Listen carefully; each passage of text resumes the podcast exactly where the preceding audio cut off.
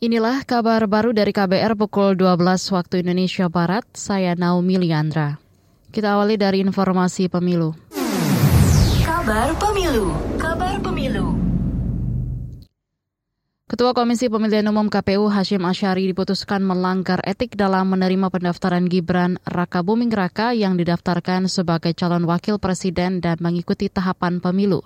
Majelis Hakim yang dipimpin Ketua Dewan Kehormatan Penyelenggara Pemilu DKPP Hedi Lugito mengatakan para teradu terbukti melakukan pelanggaran kode etik pedoman berperilaku penyelenggara pemilu. Sebelumnya Ketua KPU Hashim Asyari dan anggota KPU lainnya yakni Betty Epsilon Idrus, Muhammad Afifuddin, Persadaan Harahap, Yulianto Sudrajat, Idam Holik, dan Agus Melas diadukan oleh sejumlah pihak, yakni Demas Brian Wicaksono, Imam Munandar, dan Rumondang Damanik. Ketua KPU Hashim Asyari dan Komisioner KPU didalilkan telah menerima pendaftaran Gibran Raka Buming Raka sebagai bakal calon wakil presiden pada 25 Oktober 2023.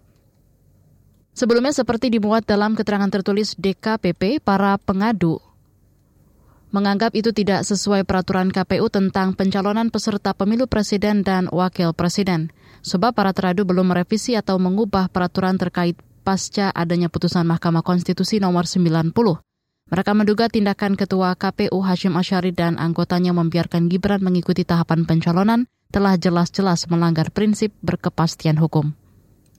KPUD Solo pastikan calon wakil presiden nomor urut 2 Gibran Raka Buming Raka tidak mengajukan lokasi pindah memilih.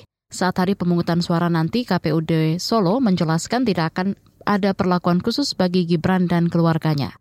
Informasi selengkapnya bersama rekan Yuda Satriawan langsung dari Solo. Komisi Pemilihan Umum Daerah atau KPUD Solo menjelaskan cawapres nomor urut 2 Gibran Raka Buming Raka masih tercatat dalam daftar pemilih tetap atau DPT di Solo. Ketua KPUD Solo Bambang Kristanto mengatakan Gibran tercatat bersama istrinya Selvi Ananda terdaftar di salah satu tempat pemungutan suara atau TPS. Tapi karena ini akses kita di apa sidalih kita akan saya sampaikan teman-teman berkaitan dengan beberapa tokoh yang di Kota Surakarta nanti akan menggunakan pilihnya di mana. Untuk Pak Gibran Raka Buming Raka nanti ada di mana di TPS 34. Tapi itu lokasi TPS yang kemarin kita cek di cek DPT online basisnya NIK.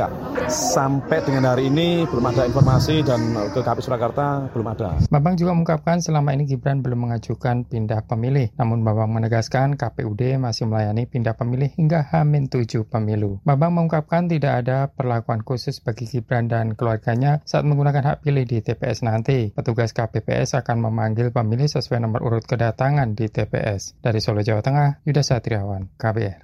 Saudara, Badan Pusat Statistik BPS menyebutkan inflasi pada Januari 2024 merupakan inflasi terendah dibandingkan tahun sebelumnya. Pelaksana tugas Kepala BPS Amalia Adininggar Widyasanti mengatakan, pada Januari terjadi inflasi bulanan 0,04 persen.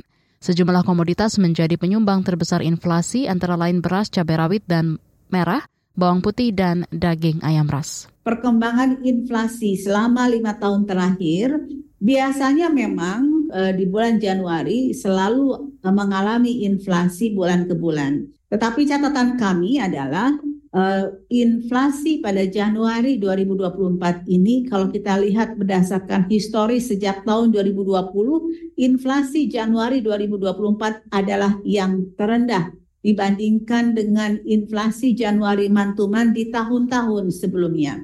Pelaksana tugas Kepala BPS Amalia Adininggar Widyasanti mengatakan lebih dari 50 persen atau 25 provinsi mengalami inflasi bulanan. Inflasi bulanan tertinggi 1,01 persen di Papua Pegunungan, sedangkan inflasi bulanan terendah di Jawa Barat dengan 0,15 persen. BPS juga mencatat inflasi tahunan pada Januari kemarin sebesar 2,57 persen. Saudara demikian kabar baru dari KBR, saya Naomi Liandra.